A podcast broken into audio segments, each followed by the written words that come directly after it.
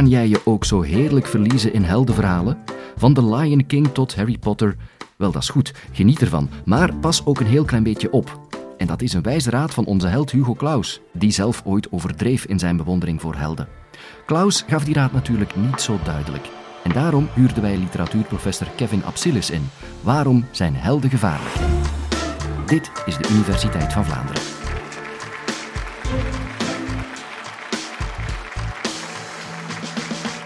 Waarom zijn helden gevaarlijk? Als we een antwoord willen zoeken op die vraag, kunnen we ons misschien het best van al wenden tot de jonge man die ik heb aangewezen op de foto. Op het ogenblik van die foto is hij een jaar of dertien. En hij verslindt boek na boek. Liefst van al spannende verhalen over Vlaamse helden. Jan Breidel, Pieter de Koning, Nicolaas Zannekin, Jacob van Artvelde. Allemaal figuren met een historische grond, maar die ons toch vooral zijn bijgebleven vanwege de opzwepende verhalen die er ooit over zijn geschreven. Dames en heren, de jongeman op de foto luistert naar de naam Hugo Claus. En hij zal een van de grootste Vlaamse schrijvers ooit worden. Maar zover is het op dat ogenblik nog niet. Hugo Claus groeit op in de jaren 1930, eh, van de vorige eeuw dus, in de jaren 1930, eh, in een periode, turbulente periode, waarin autoritaire politieke figuren een almaar groter deel van de massa weten in te palmen. In heel Europa gebeurt dat, maar ook in België en in Vlaanderen. In onze contraien kun je denken aan een figuur als Joris van Severen, de autoritaire leider en oprichter van het Ferdinazo, of aan Remo Tollenaren, een van de voormannen van het Vlaams Nationaal Verbond. Ook de jonge Hugo Claus blijft niet ongevoelig voor hun charmes. Sterker, hij meent in dit soort van figuren de opvolgers te kunnen herkennen van die Vlaamse helden waarover hij al die spannende verhalen heeft gelezen. In 1940, dat verhaal kent u, vallen de Duitsers binnen, ze bezetten ons land.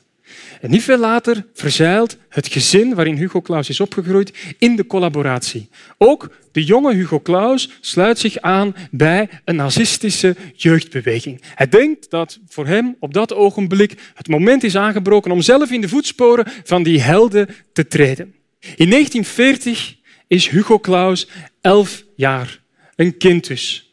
Na de oorlog geneest hij van de naïeve jongensfantasieën die hij toen koesterde en keert hij zich af van de leiders waarmee hij nog heeft gedweept kort tevoren. Hij, als de oorlog hem één les heeft geleerd, dan is het wel dat heldenverhalen, behalve heel erg meeslepend, ook gevaarlijk kunnen zijn. En dat besef dat helden gevaarlijk kunnen zijn, wordt een thema in het grote, rijke uiveren dat Hugo Claus in de tweede helft van de 20e eeuw bij elkaar zal schrijven. En het wordt, dat gevaar van de held, met name een duidelijk thema in deze roman uit 1962, De Verwondering. En daarover ga ik iets uitgebreider eh, praten vanavond. Ik zei er net duidelijk. Nou, dat is eigenlijk het laatste woord dat je moet gebruiken als het gaat over deze roman. Het is een bijzonder complexe, duistere roman waar zelfs geoefende lezers het bijzonder moeilijk mee hebben. Wat kan ik daar in kort bestek over vertellen? Wel, in deze roman maken we kennis met Victor de Nijs de Rijkel. 37 jaar, ongelukkig gescheiden vrijgezel. Tot voor kort leraar in een ateneum in de Belgische kustplaats Oostende. Tot voor kort, want inmiddels bevindt hij zich in een kolenhok van wat vermoedelijk een psychiatrische instelling is. Daar eh, moet hij op in opdracht van de, de behandelend arts een verslag schrijven. Een verslag schrijven waarin hij moet reconstrueren wat er is gebeurd met hem voor hij werd geïnterneerd. En dat verslag krijgen wij ook, de lezer, te lezen. En in dat verslag lezen we dus, opnieuw ga ik het heel sterk vereenvoudigd samenvatten, hoe Victor de Nijs de Rijkel op een dag in Oostende naar een gemaskerd bal gaat. En daar geraakt hij onder de bekoring van Alessandra Harmedam jonge, knappe vrouw. Hij wil naar haar op zoek, krijgt daarvoor de hulp van een van de leerlingen van zijn school. Die jongeman heet Albert Verzelen. En die Albert Verzelen, die leerling, brengt Victor de Nijs de Rijkel uiteindelijk naar kasteel Almout, ergens in het West-Vlaamse platteland. En op dat kasteel Almout draait niet zozeer alles rond die Alessandra Harmedam, maar draait alles rond een zekere Jan Willem Krabbe. Die Jan Willem Krabbe is een Vlaamse SS'er die tijdens de Tweede Wereldoorlog aan de zijde van de Duitsers aan het oostfront is gaan vechten tegen de Russen. Wat er met die krabben omstreeks 1945 is gebeurd, dat weten we niet zeker. Mogelijk is hij overleden, mogelijk is hij ondergedoken, heeft hij een nieuwe identiteit aangenomen. Vijftien jaar na de feiten spreken de geruchten hierover elkaar nog altijd tegen. Hoe dan ook, Victor de Nijs de Rijkel, die dus op Almout is, 15 jaar nadat eh, die krabbe verdwenen is, geraakt alsmaar meer gefascineerd door die figuur van krabbe. En hij gaat zich ermee vereenzelvigen. In die mate zelfs dat hij de greep op de werkelijkheid stilaan dreigt te verliezen. Kort samengevat en heel beknopt. Veel helderder dan hoe u dat zult ervaren als u deze roman een keer ter hand neemt. Zelfs de experts zijn vandaag nog lang niet uitgesproken over de betekenis van deze roman. En in de literatuurstudie vinden we dat eigenlijk niet eens zo bijzonder, in die zin dat literatuurwetenschap geen exacte wetenschap is, maar heel vaak over interpretatie gaat. En het zijn vaak de eh, teksten die, de interessantste teksten, die teksten die telkens nieuwe vragen opwerpen, die, uh, ja, die het boeiendst zijn, die het mooist zijn en die generatie na generatie kunnen inspireren. En de verwondering is zeker zo'n boek. Maar hè, ondertussen weten we natuurlijk wel al het een en ander over die roman en hebben we zeg maar, een aantal sleutels om de roman inzichtelijker te maken. En een van die sleutels heb ik vandaag bij voor u. Dat is dan weer een ander boek. The Hero with a Thousand Faces. Een studie van Joseph Campbell. En die Joseph Campbell, Amerikaanse onderzoeker, die was bezig met mythen en legenden te verzamelen en te bestuderen van over de hele wereld. En hij meende een universeel verhaalpatroon te hebben ontdekt dat aan al die heldenverhalen ten grondslag lag. Dat verklaart ook de titel van die studie. Er zijn vele duizenden helden en ze hebben allemaal een ander gezicht, maar achter dat gezicht schuilt vaak een overeenkomstige persoonlijkheid. Helden hebben heel veel met elkaar gemeen. Sterker, de avonturen die ze beleven beantwoorden aan een bepaald vast patroon. Althans, dat is de these van dit boek. En ik ga die these voor u kort illustreren aan de hand van het schema dat die Campbell ook in dit boekje heeft gestopt. Het schema ziet er als volgt uit. En er is een bekende wereld en een onbekende wereld. In het begin ontmoeten we de held in de hem bekende wereld. Vaak leidt hij een routineus, saai bestaan met een gebrek aan toekomstperspectief. Assepoester. Groeit op eh, als eh, meid van alle werk bij haar stiefmoeder en stiefzussen die haar ook nog eens voortdurend pesten. Ze heeft weinig zicht op beterschap. Recenter voorbeeld, Harry Potter groeit op, nota bene in de bezemkast, bij pleegouders die hem totaal verwaarlozen. Ook hij heeft een gebrek aan toekomstperspectief. Dat verandert op het ogenblik dat het verhaal begint. En dat verhaal begint met de lokroep van het avontuur. Er gebeurt iets dat de held of de heldin en in wording uit zijn routine trekt. Dat is de lokroep van het avontuur en die kan van alles zijn. Denk opnieuw aan Assepoester. Wat is daar de lokroep van het avontuur? Ah, de prins die aankondigt dat hij een groot bal gaat organiseren waarop hij een nieuwe bruid, of een bruid liever, zal selecteren. Harry Potter krijgt een brief van een hogeschool voor tovenarij en hocus pocus, genaamd Zwijnstein, waar die school vraagt of hij zich niet wil registreren als leerling. Dus hij krijgt een brief. Het kan ook veel absurder zijn. Bijvoorbeeld een gek wit konijn dat opeens komt aangelopen en waar je achteraan gaat. Alice uit Alice in Wonderland. Goed, een vast terugkerend motief is dat die held of die heldin meestal, in de meeste heldenverhalen, niet meteen in kan gaan op de lokroep van het avontuur. Dat wil zeggen, de omstandigheden houden hem tegen, hij heeft niet de nodige kennis of hij mist misschien nog wel de moed om aan de lokroep te beantwoorden. Hij heeft kortom hulp nodig. En die hulp wordt aangediend in de gedaante van een mentor. De mentorfiguur is uh, essentieel. Uh, bij Assepoester is de mentor een goede vee, die ervoor zorgt dat uit een pompoen opeens een mooie koets wordt getoverd en er wordt ook nog eens een balkleed bijgegeven, zodat Assepoester uiteindelijk wel in staat is om naar het bal te gaan. Andere mentoren, bekende mentoren, zijn bijvoorbeeld Obi-Wan Kenobi uit de eerste Star Wars-films, of Gandalf in de Lord of the Rings-trilogie, of Merlijn, om een wat ouder voorbeeld te geven, in de verhalen over Arthur. Het is het meestal de mentor die ervoor zorgt dat de held of heldin in wording naar die onbekende wereld geraakt op avontuur. En in die onbekende wereld moet hij allerlei uitdagingen weten te overwinnen. Hij heeft daarvoor medestanders en tegenstanders en uiteindelijk komt hij aan een, de ultieme uitdaging zeg maar. De vuurproef. En die vuurproef en die benoemt Joseph Campbell met de metafoor van de, de buik van de walvis.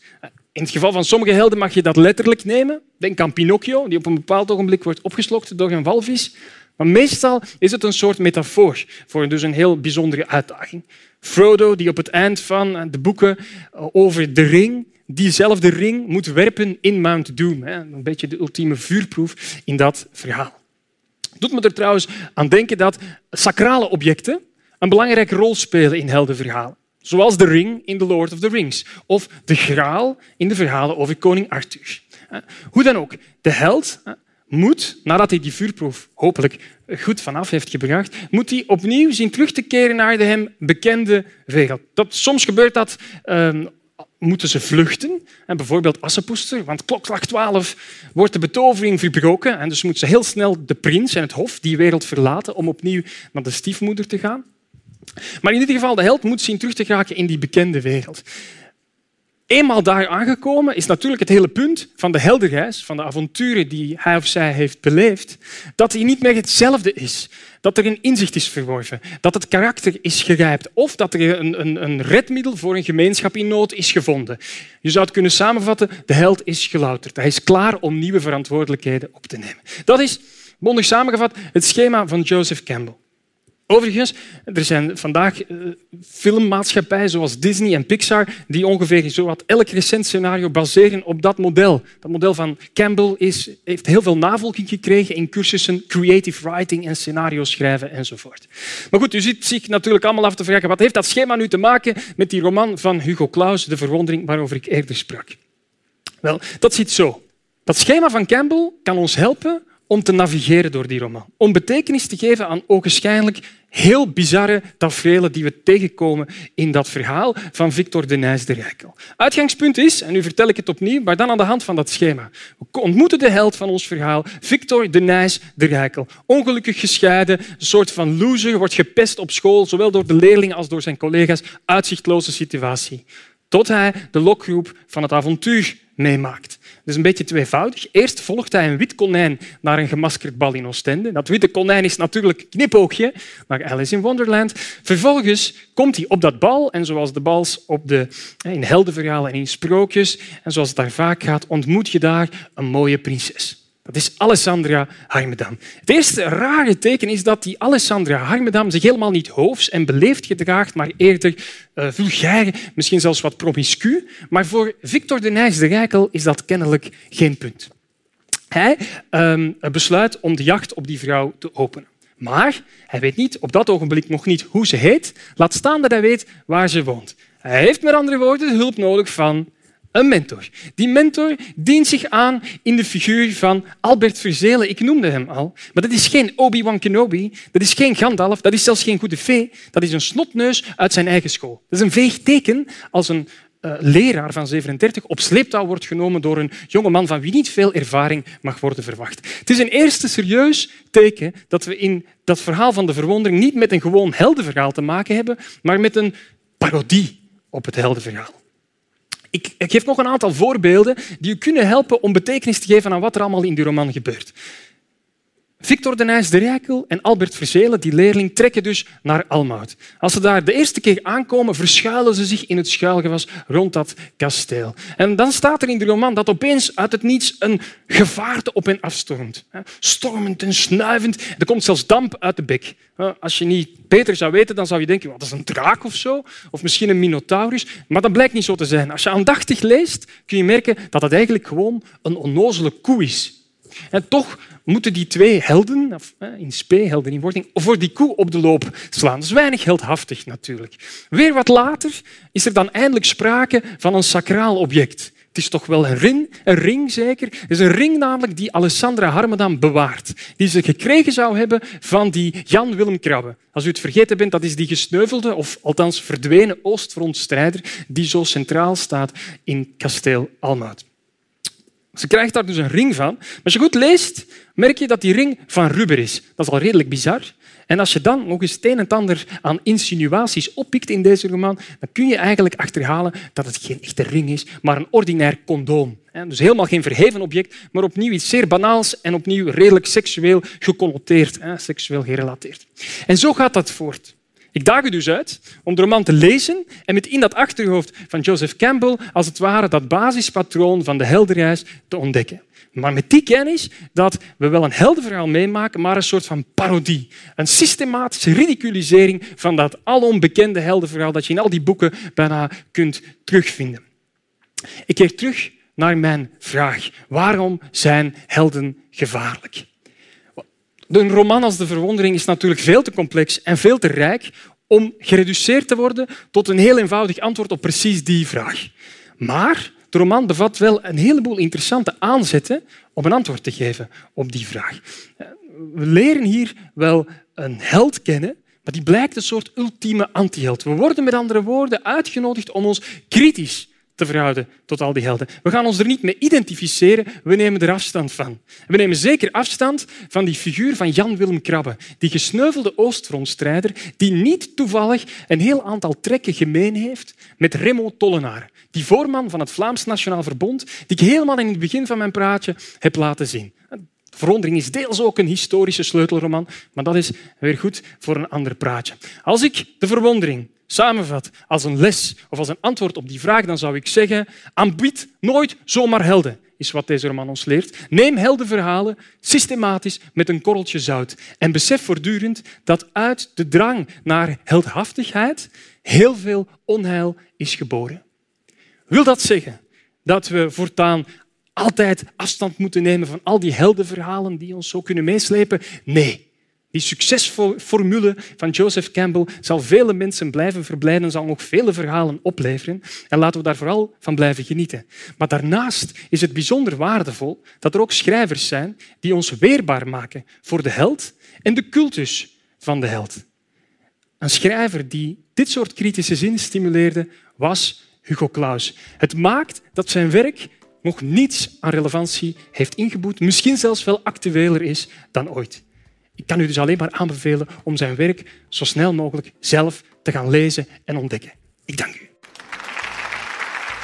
Nee, Kevin Absilis, wij danken u. Want ook deze podcast was weer super interessant.